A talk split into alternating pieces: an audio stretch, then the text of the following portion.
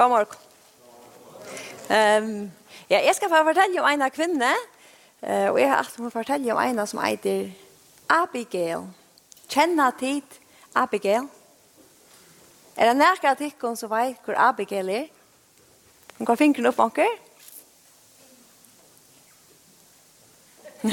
Bakta, ja.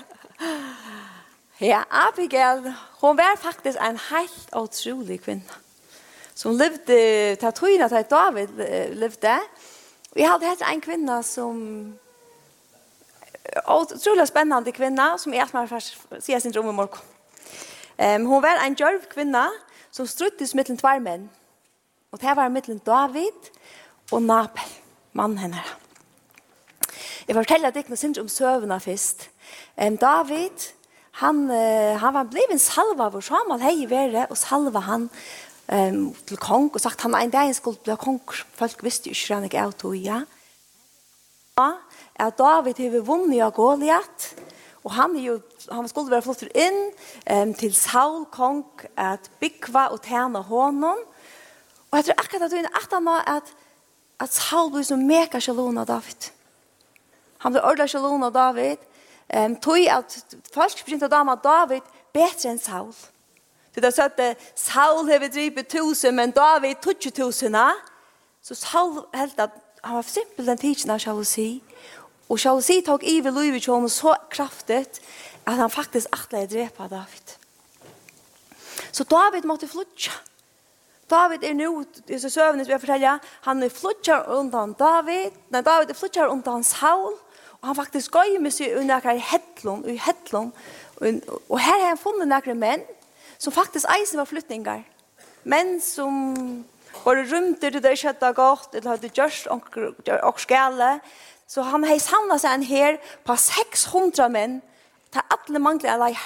Og David får inn og blir et trena teir til å bli nekka. Så han var leieren til hese mamma. Og det var faktisk, det var som gikk rundt, og da måtte alle denne flytja undan Saul, Um, og, og det har vært hver ferien her inntil disse søvnene, at David har nesten kunnet dripe seg. Han har faktisk vært ordentlig tatt et, og, og nesten alle dripe ja, men vil det ikke ikke likevel. Men han hever seg mennene, tar seg, jo, jo, kom, drep hans for to konger. Men det vil det David ikke. Det David har et godt hjerte. Han vil det aldri lette av den mannen som god har i salva til kong. Så hvis mennene er her, er sammen med David det, Og der faktisk er en økje der passer oppa seien til en mann. Det gjør det der ofte ta til, det var veldig verre måte hvis hermen kom i sjela. Så det hildes ofte til en flokk. Og det gjør det der eisen. Det hildes til en flokk og vart. Men David hei jo selv ved sjæla mer. Han er selv barst ved leivån og til møljene. Så han, han visste hva det skulle til. Um, og hesen så tar varde den varde alle den flotchen av hyr som var ute til sein. Og så mæveren som åtte til sein der, han er Napel. Napel. Og han han hei altså han er nekva seg 3000 sier kjent. Han var mega ryk, men han var en herrer, ønder, svigafodler, ilsender, ja, rævlig med faktisk ryker med som bæra hoksa jeg om seg selv. Og han heier som nærkere menn som passer på seien, og David og der var faktisk kommet her til at det var det var, det var faktisk tænarer tja hirsen. Så det var ikke å si. Der gjør de etter, og i vogn og håp og på å få akkurat fyrja, få med, og det hjelpes det at det var Så hette det, søvann her er om, og Nabel han, han hoksa bær om seg. Ta i David hørte at nå var togjen kommet, at han får hest, At han får slakte for å være faktisk ikke om hesttøyene som det er her i Sjokko nå. Det var slakt tøy, og nå får det her at, at slakta seien, og nå får Napoli djeve ut til alle der som hadde gjort. Og det er pura vanlig at heim døven, at, at det er mennene som, som var tænare tja hyren om, at det finner fink okkurst til lukka som det var tidsi fyrir give, det fink ikkje lova kanskje at det skulle få så snegg, men det var pura vant, sjálf vant fink der okkurst. Så her beint for David og sier, sende tutsi mennas sted. En færre tid og helse nå napen, Um, vi er fitt vi igjen og prate og sier vi ikke alt godt i tykken og jo videre jo vi kommer vi tykken jo lenge tog og, og, og, og vi ikke få oss da tar færa så til henta mannen som ikkje var a snakka vi. Og prøva å fortelle honom at jo, jo, David leder helsa og og fri er blir viktig kon og og då då så kommer etter vi kommer vi få också da. Vi är faktisk her få också. Da så står bare vi är. Og han säger ikke, så kanskje det där sålas tärna jag inte till alla ikke Det Det var så i filmen i att förna. En tatt det komma i bagasje, så som er ikke stjävna gas så kallar hånden ut. Jeg tror ikke at her er steg, i sin så, det er så kort hånden jeg synes ut. Og nå sier bare, hæ? David? Helt ikke David er noe kjærlig, jeg har ikke anes hvor David er. Hvordan skal jeg vite det? Og han faktisk spottet i David. Det er som om han ikke visste, selv om han visste han hvor David var. Alle visste at David er vunnet og Goliath. Og han faktisk nye gjør det da og sier, nei, han kan være en og hver butter som vi bare stundene av er at man hører ikke gjøre honom nekka som helst. Det er mot. Jeg eier det, jeg er forvunnet det, og jeg får ikke gjøre nekka som helst. Så som mennene, de får så alltid til David, og fortalte David det her. Og David er her, som vi leser, at er en søva som vi finner, og i første Samuels bok. Um, og i hese omstående som David er uibatt nå, da var David ordentlig trøtt, David har vært, tar vært ute og strust og vært nekvom det, rundt, faktisk rundt undan, som vi sier, Saul og lenka tog. Og, og det første verset til kapittel 25, her sier vi at Samuel dør, og alt Israel syrger i det. David, han syrger eisen i det til Samuel dør. Samuel dør, han er ikke min konkurren, han hever ånd. Han må flytte under løvene til seg, og han faktisk mega stresset over rødt, ordentlig til fyr. Så at han høyre heter om Som Nabel sier, ta er fjuset til honom ordentlig stort. Det skapar ordentlig øye David. Og han får ordentlig skal akkurat som ordentlig betta sår, og som er oppe i nekve menn har sagt, ok, nå skal jeg velge å vise her som utlingen om hva han har fortjent. Han sier så vi mennene ned her 600. Han sier vi 400 der vann. Fint, gjør det tid tikkene til reier. Alle tar svørene fram. Nå skal vi sannelig vise at Nabel hvor han er, og alle mennene sånn. Her skal ikke en av dem å liva til morgen. Ikke ein. Han var ordentlig over. Så hette David, han gjør seg klar en affære mot. Men den kvinnan som vi sutja, hon er mittlen hesa mennesker. Hon er en, det sender her bein, at hon er en vois kvinna som ikke bjerga familiesøyne undan David.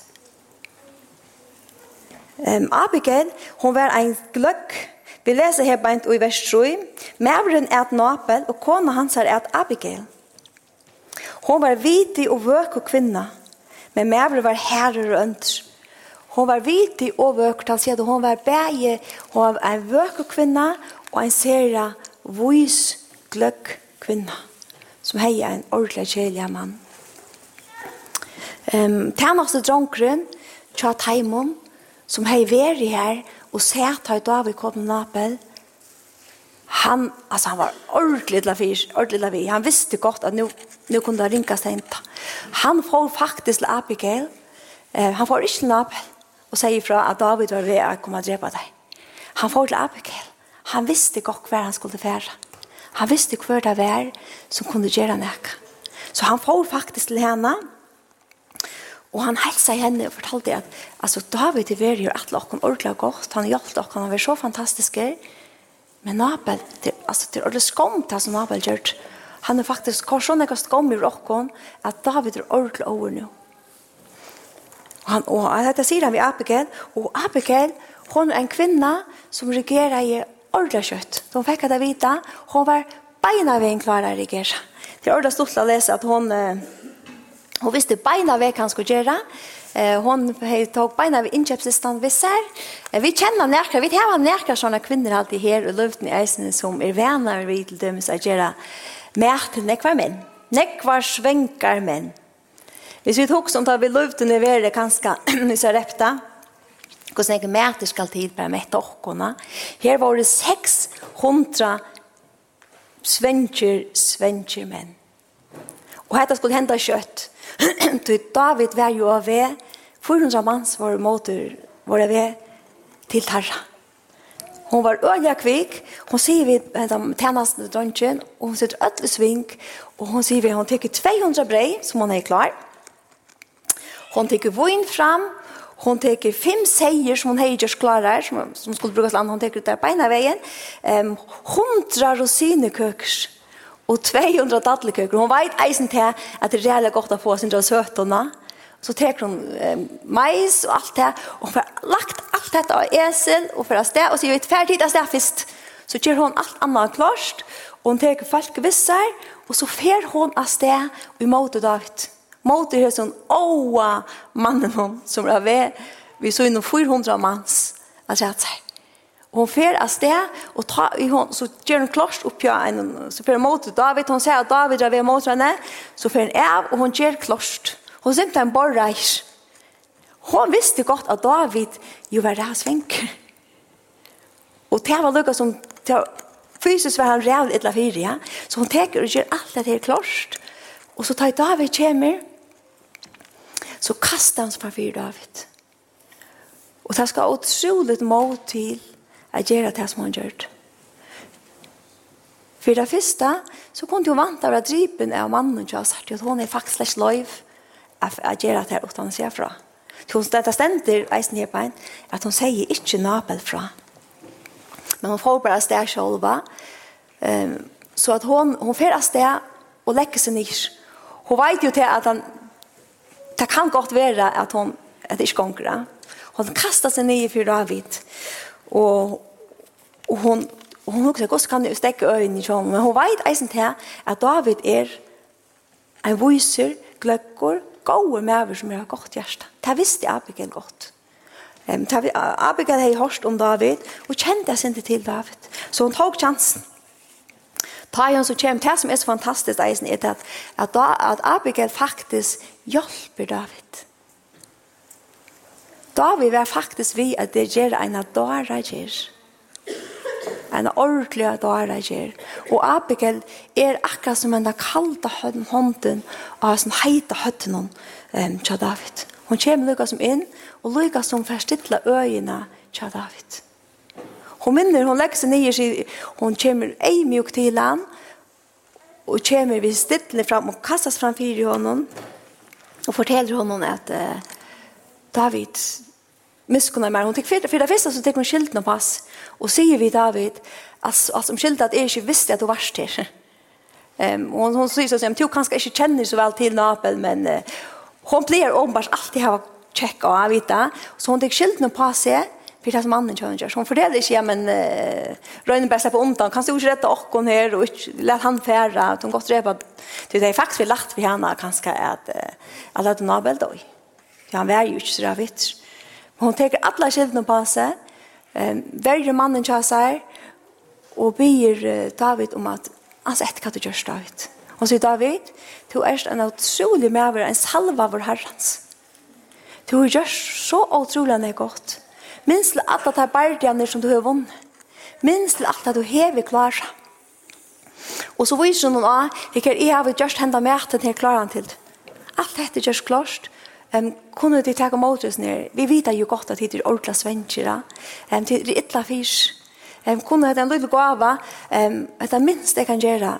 Men hun vet at det er David er i støvne nå. At her er øl ytla fisk. Har ølen jeg bruk for det. Jeg får det bedre. Og så viser da um, Abigail eisen David av framtøyene. Hun viser David da, David, du skal jo en dag være herrens tjener.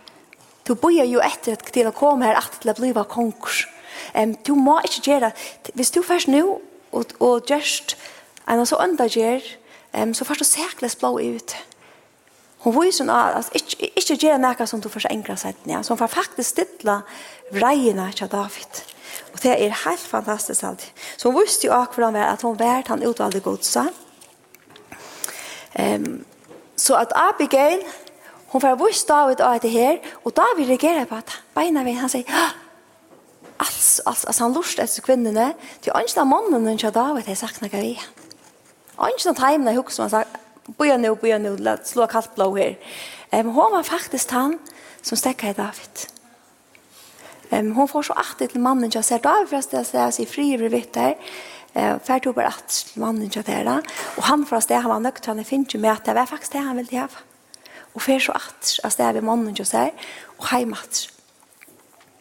Um, Abigail, hon får så at til henne mannen som hon levde som av vi, som jo ikke var så rævla fitter, da. Hon kommer heim til Abigail, da hon kommer heim til Nabal, ta, ta i Nabal, ta er han fotler. Han sitter her og ballast, og er fullt av falskje, og er fest, og han er, han er ikke anelse for hva er ved å hente henne. Hon får faktisk ikke engang snakka vi henne til henne. Det enda var hon man lägger sig att sova. Morgon efter tar hon vaknar och hon ser att han är blivit synte mer normal at det ta forteller hun mannen jag sa det. Och det enda vi faktiskt vet är att han fick av oss. Att det som hände ja. Men det som jeg alltid vi lära på nekka matar til, det är vilket är som ofta som jeg ofta läser i årtusen den där kvinnan eh, årtusen egnet seg at hon var öliga en gløgg och vis kvinna. Og jeg kan åretøkene, her skjøtter jeg det eisene, og dette var lukket som det som jeg hadde vært konstren til henne som hun brukte, ja. Det var lukket som det at her er du viser, ved leit han viser, og han vil elske til fyrir. Gjør det ikke ved dørene, du kan lære skriften noe, vi leser det etter og etter åretøkene. Du vet han døren, han vil faktisk hete det fyrir. Så det nytta ikke til Abigail, affærlig mannen, og røyne, at sier nekka vi han. Det har vært jo en dør, Men hon visste att hon kom till att han får ha bröjda hjärsta till David. Ja? Så hva kan vi lære? Hva lære heter åkken at du det? Um, Abigail uh, lærer kan lære åkken utrolig enn kvalt. Ta i hon... Uh, hvis hun lærer det som hun hjelpte David vi. Hon, altså, jeg hadde et som kommer til min ordentlig tid til vi viste om meg. Um, hun var en sere vis kvinne. Og vi leser eisen til skriften Altså, vi, vi kunne øde søke godt. Galaterbrevet snakker eisen om det kapitel 1, at søk god, be han om visdom, um, så skal han gjøre det det. Han fer ikke svurja det Så i det så kunne vi faktisk velge att søkja god. Vi kunne läsa bøybna, vi kunne velja bia han om han hjälper oss. Til hon valgte jeg gjøre det som var godt for andre mennesker. Kanske är det att hon är eisen i en kvinna som ena för å en jenta. Jeg tror hon hun en kvinna som tullja valde att leva rätt. Hon är en som tullja att säga att okej, okay, hon inte gör det som är rätta. Um, kanske var hon som den lukta jentan, en minna sitt jentene som hjälpte na, naman. Den jenta som fortalte naman om att han skulle bia sig för att bli frusker, hon var eisen tidsen heimann ifra, bo bor ikke sen familien kjøs her. hon faktisk tidsen gjør til en tjener i en fremmand land. Hon valgte stadig hok som ånder og gjør det som er godt. Det var eisen hok som den dronjen som får atna Jesus og som ville um, gjøre medpakkene. Han var beina og klarer at gjøre til han heier til ånder. Han ble eisen sikna for det. Vi kunne faktisk velge um, vi kunne velge at gjøre det som er rett Til ångan du får tullja at gjøre det som er rett. Um, at brøytast innanifra, og ikke utanfra inn. Det skal brøytingen fra hjertan noen ut etter, som kan, som kan hjelpe oss i noe som helst. Um, hun var eisen fri og sjøkjande, og hoksa faktisk meir om henne enn om seg sjølva. Og mest av ødelen hoksa henne om um, at livet er rett ifra god som hun var kjent. Ja, det. Takk for det.